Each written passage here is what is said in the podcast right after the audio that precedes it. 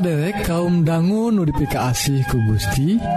Saderek dina waktu Ieu nuju ngadangguken radio Advent bewarapangharpan neta siaran kasehatan sarang rohani Dina bahasa Sunda. Dina banget ia pisan saderek disarengan Kang Ade anu bade nyanggaken dua rohang siaran. Nyeta rohang kasehatan sarang rohang kedua nu badai sami-sami ngulik kayaktian nu unggel natina kitab suci.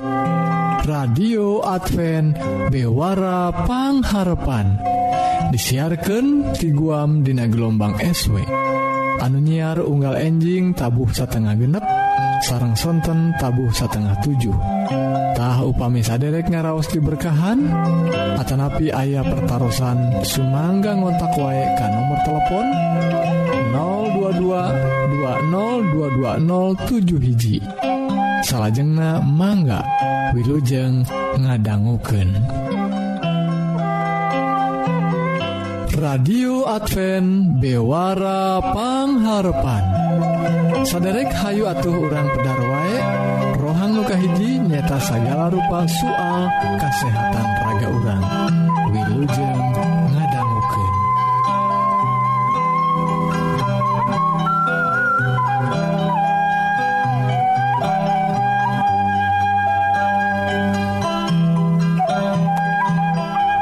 Sadaya anu dipikaasi ku Gusti Yesus rohang kesehatan dinten Ayeuna urang ngabahas panyakit osteoporosis.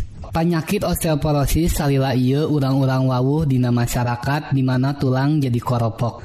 Osteoporosis nyaeta keayaan progresif di mana tulang jadi lemah sarta secara struktural lewih merentiken faktur atau pites biasanya awak nyiin rarama tulang anyar anu diserep ku awak piken menyeimbangkan jumlah rarama tulang anu dipepes dina awak.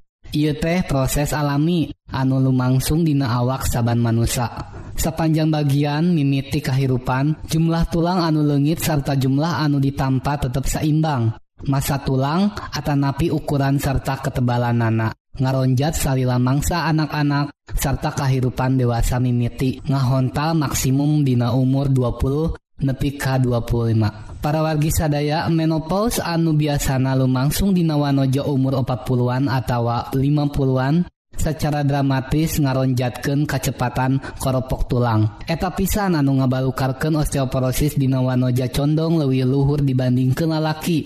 Panyakit osteoporosis lumangsung sabot awak kalengitan tulang lewih gancang batan anu bisa nyiun tulang anyar.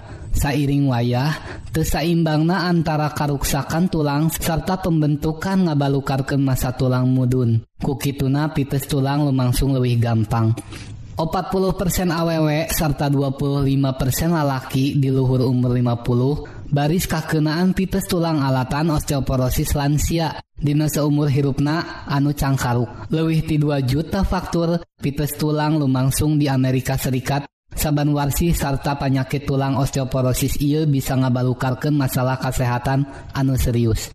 Para wargi sadaya hiji jama anu kakenaan penyakit osteoporosis perlu latihan. saat nuangken cukup kalsium serta vitamin D. Piken mantuan ngajaga tulang ambeh tetap kuat.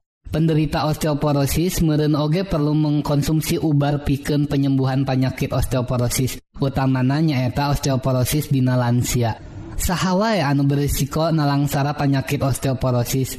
Menurut ke nasional osteoporosis Foundation Atan api anu disingkatna NOV Osteoporosis mangrupa ancaman kesehatan masyarakat anu utama salila lewih ti 44 juta orang Amerika atau 55 persen anu anuges berumur 50 warsi atau leuwih. Kira-kira 10 juta jelma di Amerika Serikat ges ngabogaan riwayat penyakit osteoporosis serta hampir 34 juta leuwih ngabogaan masa tulang anu pendek. Nempatkan maranehanana dina mamala osteoporosis.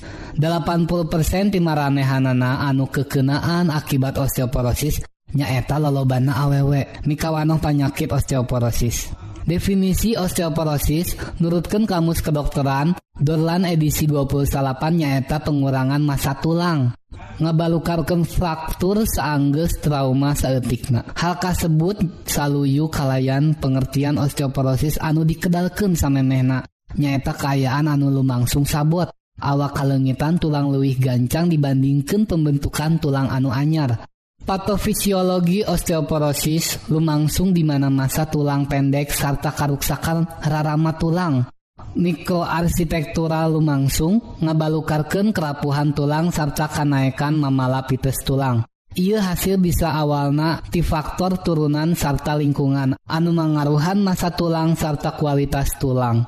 sedangkan pikel nyurtian patogenesis osteoporosis dimimitian kunyaho kumaha pembentukan tulang sarta romedling lumangsungna. Mamala osteoporosis bewi luhur lamun umur tuluy. Riwayat keluarga osteoporosis monopols riwayat pites tulang kolot ngabogaan riwayat penyakit pites tulang pinggul amenor anoreksia nervosa gaya hirup hente aktif diet pendek kalsium atawa vitamin D pendek testosteron Atanapi hipogonadisme. Ngudud lobating inum lobating inum alkohol mengkonsumsi ubar nutangtu keasup sawwatara ubar anti kejang hormon tiroid dina dosis badag atawa steroid sarta sajabana. Keayaan hormonal nutangtu oge bisa mengaruhan penyakit osteoporosis. hormon berperan penting dina penyakit osteoporosis. Para wargi sadaya lobat teing atau saeutik teing hormon nutangtu dina awak bisa berkontribusi pikeun penyakit osteoporosis. Khususnya piken wanoja salila sarta sangges monopos. Ovarium nyiun lalelewi seetik hormon estrogen. Lengitna estrogen oge bisa lumangsung kelayan operasi pengangkatan hidung endog atau alatan diet serta olahraga anu kalelewihan atau alatan diet serta olahraga anu kalelewihan padahal estrogen mantuan nang tayungan tulang.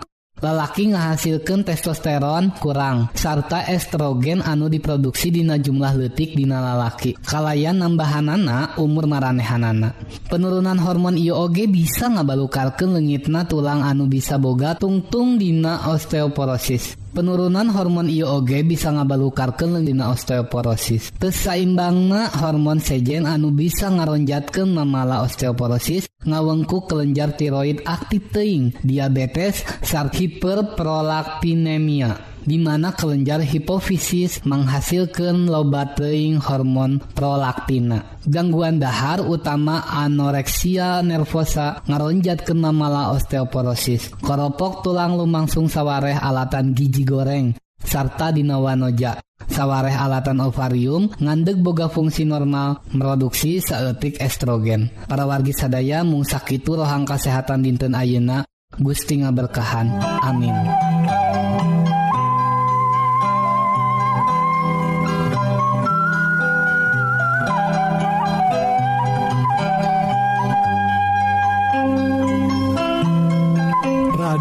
Advent bewarapangharpan parwargi nembe urang parantos sami-sami ngadangguken bewara kasehatan.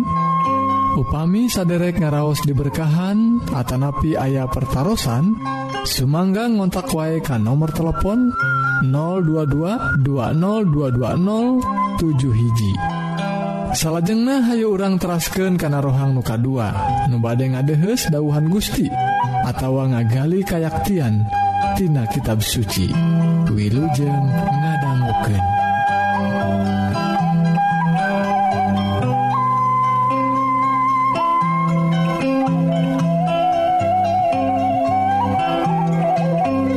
sadaya dina kesempatan ieu sim abdi hoyong medalkeun pengalaman hirup ka para wargi sadaya. Kaya maksad sanes iwal tinggal bagikeun kasih Gusti Asim Abdi sakulawarga. Palawargi sadaya elmu panemu campe pamake kusim Abdi guys dipakai maksudnya hayang bagja di dunia jeung di akhirat. Kubalarea Abdi teh dianggap cilemapang hebatna Bru dijuru Bro dipantok buncil leit loba duit.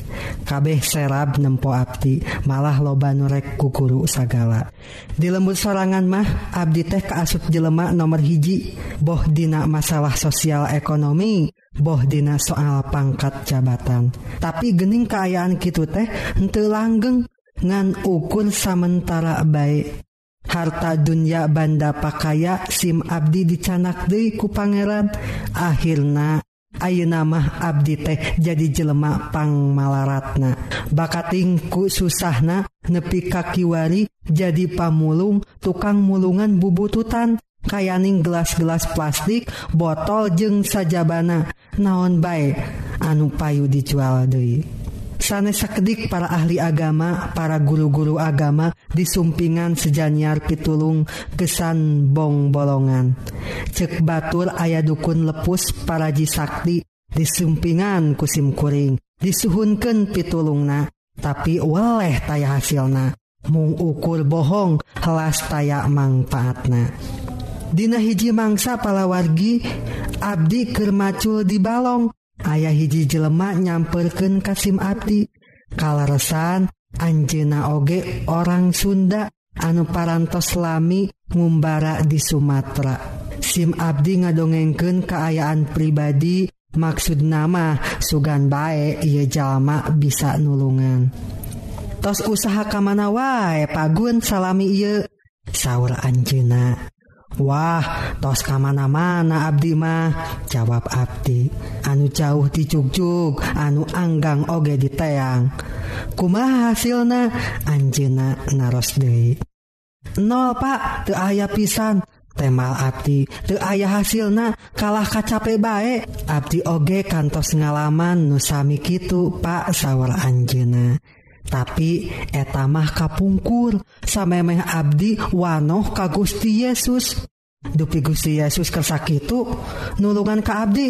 Tanya Abdi nangtang ke Anjena tangtos kersaun tembal Anjena Gusti Yesus mah nyaahen ka urang sadaya. Abdi kesangiring ka Gusti Yesus upami mantena nulungan ka Abdi tembal Abdi kaeta jalma anu katelah paherman. Tapi upami Yesus tenulungan mah Abdi mua ngiring. Piraku Gusti Jalir janji cek paherman ngayakinkan Abdi masih na jelemah sok loba ngabohong. Di hari tak palawargi Abdi jantan sering tepang tul ngobrol jeng Pak Herman. Abdi diajar tina Gusti lami tilami kuring wuwuh. Kataji katalik ati gening. Dauhan Gusti teh sakitu Agungna.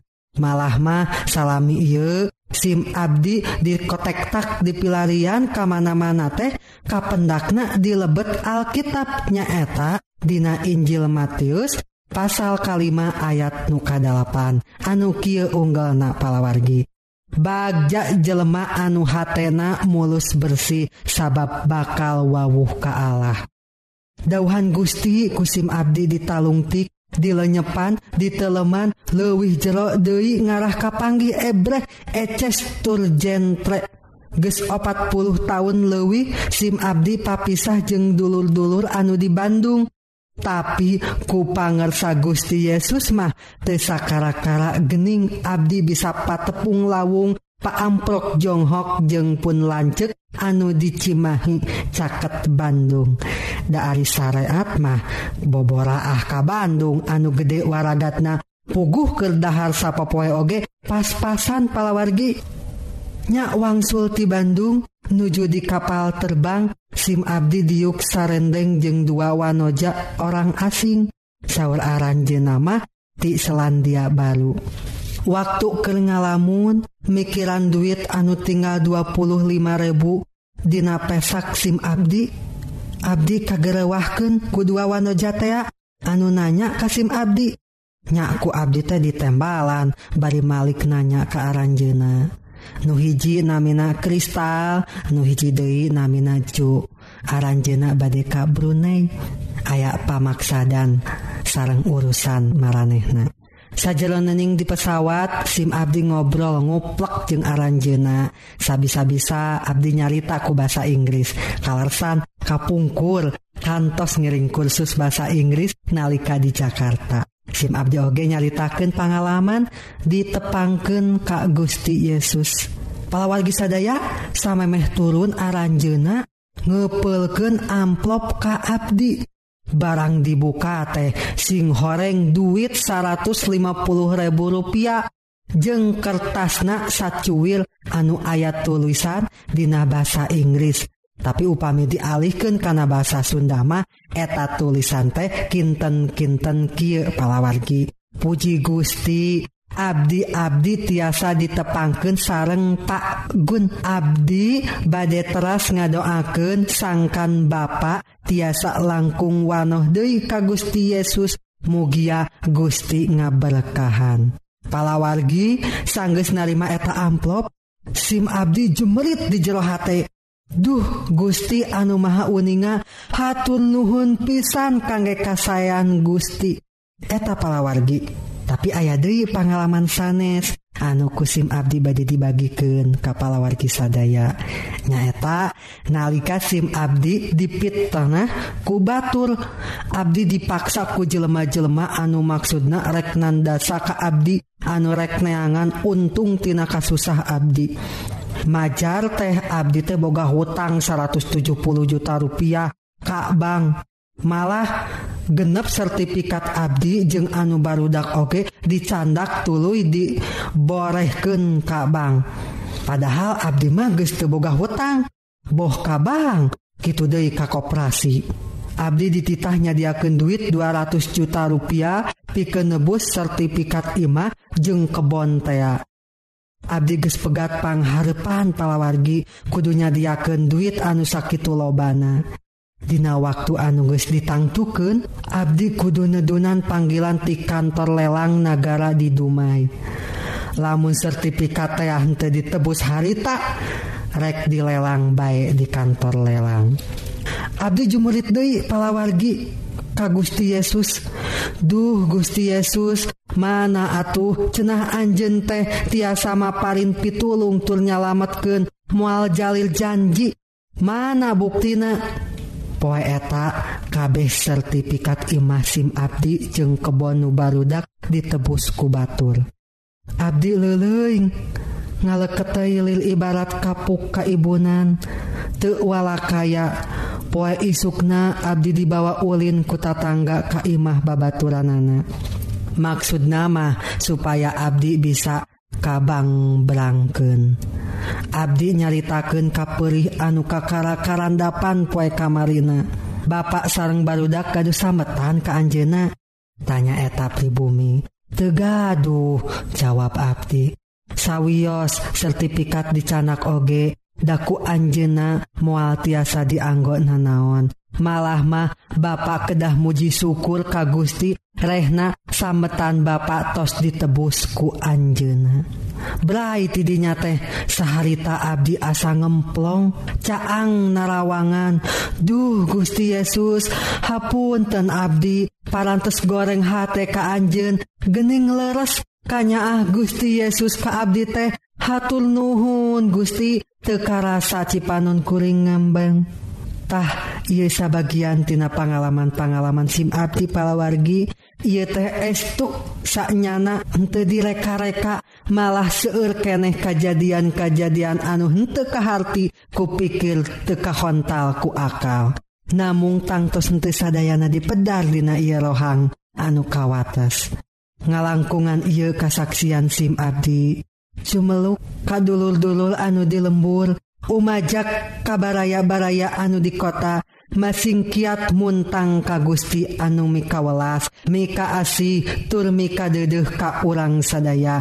Mantena teh palawargi Gusti anu maparin Kasim Abdi, jalan anu lempeng caang Narawang. palawargi sadaya mungsakitu anu dipikahatur. Hapunten anu kasuhun hampura anu diteda. SIM Abdi nyhunken pidu anak baik Dina sesa umur Abdi anuges cuat Ka Harep muga-muga SIM Abdi sing dikiatkan iman tetap ajeg te unggut kalinduan ulah ngedag keanginan mual ngijing sila bengkok sinembah. Tetap anteg sumujud ka Gusti Yesus Pangeran SIM Abdi. Oge Pangeran urang sadaya. Gusti nga berkahan urang sadaya. Amin.